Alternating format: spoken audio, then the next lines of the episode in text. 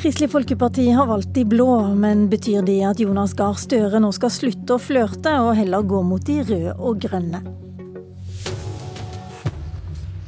God morgen og velkommen til Politisk kvarter. God morgen. Arbeiderpartileder Jonas Gahr Støre var det som sa god morgen der. Da Kristelig Folkepartis ekstraordinære landsmøte valgte å gå til Høyre, så sa du at det var trist for landet, men hvor trist var KrFs veivalg for deg? Du, eh, for meg, altså jeg, jeg, jeg liker godt dette med flørten, og det bringer jo litt humor inn i politikken. Eh, men jeg var opptatt av at det lå en mulighet i det samarbeidet og den visjonen som Hareide hadde. Og jeg mener det er trist for landet at ikke vi fikk mulighet til å sette en ny regjering eh, ut i livet, rett og slett. Eh, kunne ta andre valg, ved en ny kurs, sterkere fellesskap, bruke ressursene våre bedre for folk flest og akkurat, snakke sammen på en annen måte. Når akkurat det, gikk, det har du sagt før, ja, men nå lurte jeg på hva du tenker. For nei, det var jo mange tenk... som sa at du, uh, dette var din mulighet til å bli statsminister. Nei, det er helt feil. De mulighetene kommer igjen. Jeg hadde innstilt meg på at vi var en periode i opposisjon. Vi skifter normalt ved valg. Eh, så den, det løpet vi har lagt, det fortsetter vi. Nå hadde vi en slags parentes i høst hvor vi ventet på KrF.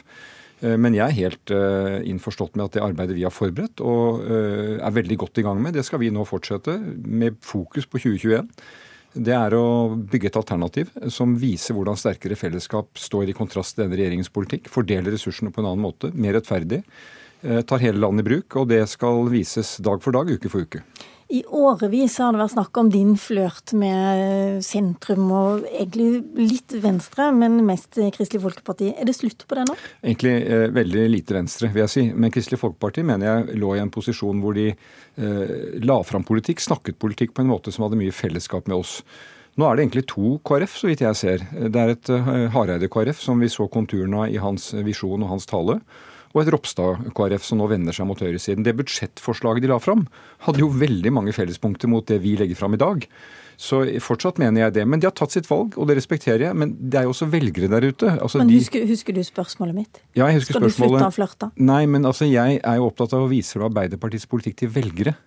Og det er velgere som skal se, eh, og som jeg tror deler vårt verdigrunnlag. Eh, og jeg tror at velgere som nå er frustrert over det valget KrF har tatt, de vil kunne se mange fellesverdier i Arbeiderpartiet.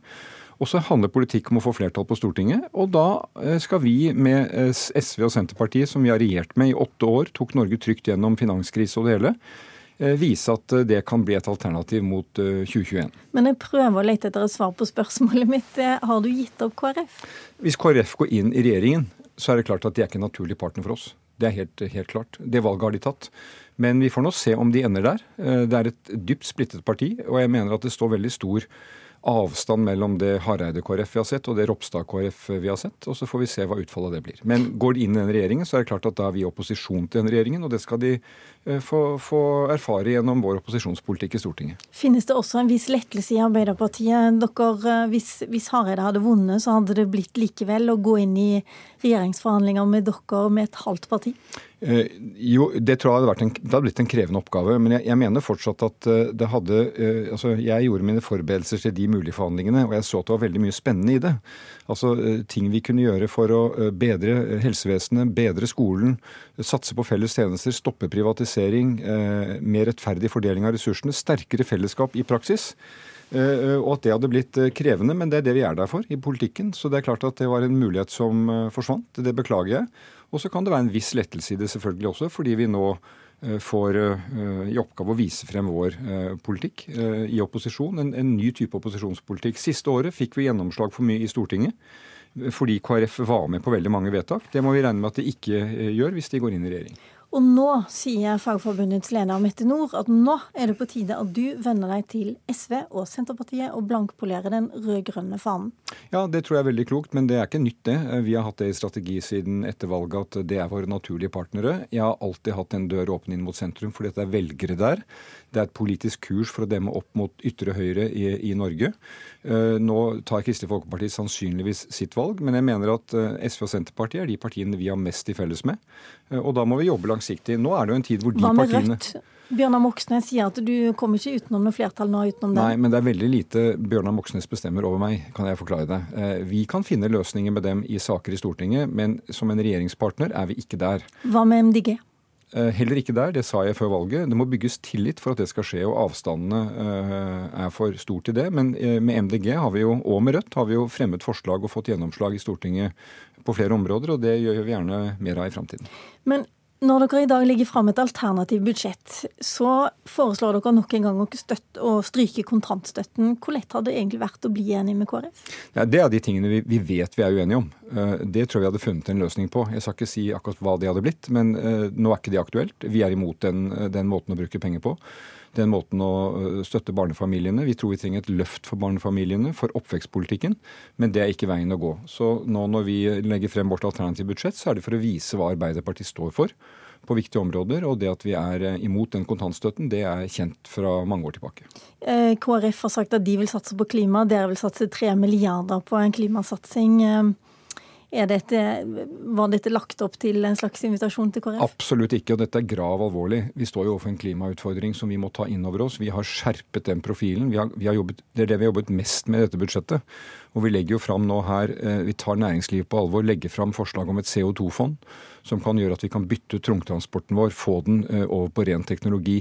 Og Det handler om å stole på at disse bedriftene faktisk vil levere, sånn som de gjorde da vi fikk ned NOx-utslippene. Det er en mekanisme vi kjenner. Så klima eh, blir en hovedsak for Arbeiderpartiet. Det, det har vi markert. Det er ikke én en enkel sak, men det er en ramme rundt all politikk. Så helt uavhengig av hvem vi samarbeider med, så blir det viktig for oss. På en måte hvor vi også skal skape nye jobber. Ja, det vil jeg si. Men det er taktskifte. Innen klimapolitikken? Ja, Eh, det er det. Eh, som begynte i forrige periode. Vi tok initiativ til å ta oljefondet ut av kull. Vi har fremmet en lang rekke forslag i Stortinget. Vi har bedt om forlik om klimapolitikken i Stortinget. Eh, og det har Erna Solberg avvist gang på gang. Vi inngikk to av dem da vi satt i regjering. Men nå legger vi fram forslag, og SV og Arbeiderpartiet har lagt fram 37 eh, veldig tydelige forslag på å skjerpe klimapolitikken. Og dette budsjettet vårt viser også flere forslag, bl.a. dette CO2-fondet. Eh, styrking Enova, styrking skogvern og styrking forebyggende klimatiltak. Så ja, det er et taktskifte. Men hvor lenge kan du si at det er taktskifte, så lenge oljeindustrien får slippe? De får ikke slippe, de skal betale Jeg ser ikke noen tiltak nei, på det alternative budsjettet de, de, mot den industrien som forurenser mest. De er en del av et internasjonalt kvotesystem hvor det blir færre og dyrere kvoter. Utslippene skal ned. Og så kommer det til å bli påvirket av at verden etter hvert kommer til å etterspørre fornybare energikilder. Det er jo det store skiftet vi skal igjennom. Og da blir selvfølgelig de berørt. Men den oljeindustrien leverer jo nå også teknologien til havvind nye fornybare kilder, og det er det veldig viktig at Norge bidrar med. Eh, og så eh, så jeg en statistikk her. Nå går eh, Storbritannias kullforbruk kraftig ned. Og en av årsakene er at de kjøper norsk gass. Så her er det norske bidraget viktig også på teknologisiden. Vi kan ikke gå gjennom hele det alternative budsjettet. Det skal du gjøre seinere. Eh. Nei, men jeg har lyst til å spørre om en ting til. For vi har hørt på Dagsnytt og Nyhetsmorgen i dag at dere vil utvide i forsøksordningen med skolemat. Jeg fant et sitat fra deg som helseminister. For seks år siden så sa du at vi går i retning av å se betydningen av skolemat, også varmmat, når skoledagen blir lenger. Det synes jeg er en god diskusjon, og det var altså seks år siden. Hvor lenge skal den diskusjonen pågå, egentlig? Du foreslår ikke skolemat overalt, men en forsøksordning i 100 kommuner. La oss komme i regjering, så skal vi se at det skjer forskjell. Mens vi sitter her nå, Lilla, så er det på Marienlyst skole på nabobygningen her sånn mattegrøt. Da har de grøt om morgenen når ungene kommer, og det er matteundervisning i tillegg. Skjønhaug skole nede i Østfold, hvor jeg var for noen uker siden, spiser i lunsj sammen, eh, er med å lage maten, rydder og ordner. Det er sosialt, helsemessig viktig. Jeg brenner for dette. Men jeg bare lurer på, Går Arbeiderpartiet egentlig inn for det? Dere har kommet med forsøksordning nå i jo, alt, vi, vi, altså, hele på, veien? Når vi er på 100 skoler, så er det en opptrapping eh, i 100 kommuner. Eh, da er vi omtrent på en tredjedel. Her i Oslo er det mange bydeler som gjør det. Nordpolen skole borte på Sagene, hvor det er mange barn med innvandrerbakgrunn som har andre frokostvaner enn våre barn.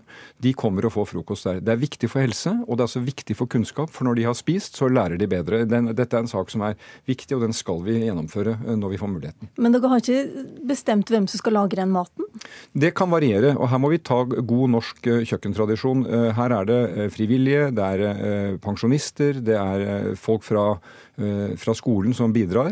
Det kan være brødskiver, det kan være salater. Skolen er veldig forskjellig. Nye skoler har ofte moderne kjøkken, gamle skoler har det ikke. Men det å legge ut brødskiver, pålegg og melk, det er ganske enkelt. og det det får skoler til over hele landet. Så dette er jo i gang. Og der hvor Arbeiderpartiet styrer, så går kommunene i gang med dette allerede i dag. Vi vil gi dem støtte til det i vårt budsjett. Og dette er enda viktigere enn å satse på bedre lærere eller enda mer læring i matte, norsk og Men det er denne helt utrolige motsetningen Høyre har klart å skape. skolemat eller kunnskap. De har glemt ordet 'og'. Fordi at får du mat, så får du også bedre. Det kommer unger som ikke har spist frokost. Da får du bedre læringsgrunnlag. Du får blodsukker i orden, du forstyrrer mindre, og du lærer mer. Så hvis det er ett område, hvis jeg får bruke et eh, ord vi kjenner i norsk politikk, hvor vi ønsker svenske tilstander, eh, så er det på dette. For i Sverige, av en eller annen eh, grunn, så har de skolemat, innarbeidet system, og det er en, en bra tradisjon. Du får ta den debatten med noen andre enn meg, Jonas Gahr Støre. Takk skal du ha for at du var med nå. Abonner på Politisk kvarter som podkast, og få sendingen rett til din mobil. Vi har med oss eh, to kommentatorer også, denne gang fra Bergen og fra Ørland. Og først til deg i Bergen, eh, politisk kommentator Magnus Takvam, der du er om dagen. Hvor ille er det for Arbeiderpartiet at de ikke kommer i regjering nå? Det er vel eh, både òg, for å eh, si det på den måten. Eh, det er liten tvil om, tror jeg, at både Jonas Gahr Støre og det sentrale apparatet i Arbeiderpartiet var veldig godt forberedt, eller var forberedt på å kunne overta regjeringsmakten. Og da, da blir det på en måte en psykologisk prosess der man er motivert for det. slik at og de hadde forberedt seg både når det gjelder budsjetter og politisk plattform ganske mye. sånn at når det løpet ikke ble noe av, så er det klart at det var en umiddelbar skuffelse i det uh, skal vi si, sjiktet av Arbeiderpartiet. Men nå uh, må de regruppere seg og, uh, og, ta utgangspunkt i den situasjonen som, som er oppstått nå. Tone Sofie Aglen, du er politisk kommentator i Adresseavisen, og du er med oss fra Ørlandet. Hvor um, ser du muligheten for uh, Arbeiderpartiet som opposisjonsparti med den situasjonen vi har nå? Ja, jeg tror nok det er en lettelse i Arbeiderpartiet nå også. For det, det var jo litt tidlig, og, og prosjektet var litt risikabelt. Og det vi nå ser at uh, Arbeiderpartiet har en mulighet til, det er jo nettopp det å, å, bygge et politisk prosjekt. Og jeg tror nok at det valgtapet de hadde i 2017, det handla om at de i altfor liten grad hadde bygd alternativ politikk. Og det ser vi jo med det utspillet om skolemat, som på en måte kan være Eh, en sånn indikator på at nå er Arbeiderpartiet i gang med å utvikle på en måte, ny politikk og vinne valget på. Men så tror jeg også at eh, de nå vil få en, eh, en god mulighet til å både samle opposisjonen og, og ta den ledertrøya i opposisjon. Hadde de gått i regjering, så ville de på en måte Eh, etterlatt seg et veldig stort rom eh, på venstresiden i politikken som SV og Rødt kunne boltre seg i. Og blir det en flertallsregjering, så vil eh, nødvendigvis KrF og Venstre få mindre oppmerksomhet enn de har fått. Så jeg tror nok at det også ligger muligheter for Arbeiderpartiet eh, i opposisjonstilværelse. Sjøl om den kanskje kan bli lenger enn det de hadde ønska seg. Men de spede forsøkene på å invitere SV og Senterpartiet til gammelt og godt samarbeid på rød-grønn side, den har fått en ganske lunken mot mottakelse, Takvam. Hvorfor det? Eh, det er ingen tvil om at både Senterpartiet og SV for det første brant seg eh, på mange måter politisk gjennom det rød-grønne prosjektet, og ikke vil ha en reprise av de skal vi si, eh, problematiske sidene ved det samarbeidsprosjektet nå. Derfor så tror jeg vi vil oppleve at vi ikke får en veldig koordinert rød-grønn blokk så å si, i Stortinget, men som vi har lagt merke til, så går Senterpartiet på en måte i en slags eh, alenegang, om du vil, og eh, koordinerer ikke politikken i veldig stor grad med de andre. For, for SV er det også viktig, tror jeg, å ikke klistre seg for tett opp mot Arbeiderpartiet, i en frykt for å miste dominansen på venstresiden i det norske politiske landskapet. Alle har jo registrert at partier som Rødt, og for så vidt også MDG, på mange måter er konkurrenter til SV. Så jeg tror kommunevalget, fram mot kommunevalget så vil vi se eh, i stor grad selvstendige partier på rød-grønn side, selv om de har felles punkter også. Men hvordan vil norsk politikk endres av en eventuell flertallsregjering? Aglen? Vil vi i hvert fall si at flertallet ligger i regjeringen, og at eh, bestemmelsene kommer der og ikke på Stortinget? Ja, vi vil nok få et uh, kjedeligere storting enn det vi har hatt de siste årene. Og mer vil nok uh, foregå i regjering. Jeg tror nok også at blir det en flertallsregjering med KrFI, så vil vi nok også få litt skarpere fronter i, i, norsk politikk. For vi ser jo det at mye av regjeringa politikk ble jo liksom mildna i møte med opposisjonen på Stortinget. Så jeg, jeg tror nok at vi vil få litt mer det vi så under den rød-grønne åtteårsperioden. Og det blir nok kanskje litt kjedeligere å være regjeringsparti parti på Stortinget enn det vi har sett de siste årene, hvor det har vært veldig mye fokus på stortingsarbeidet. Men først skal det forhandles. Tone Sofie Aglen, Magnus Takvam, takk til dere.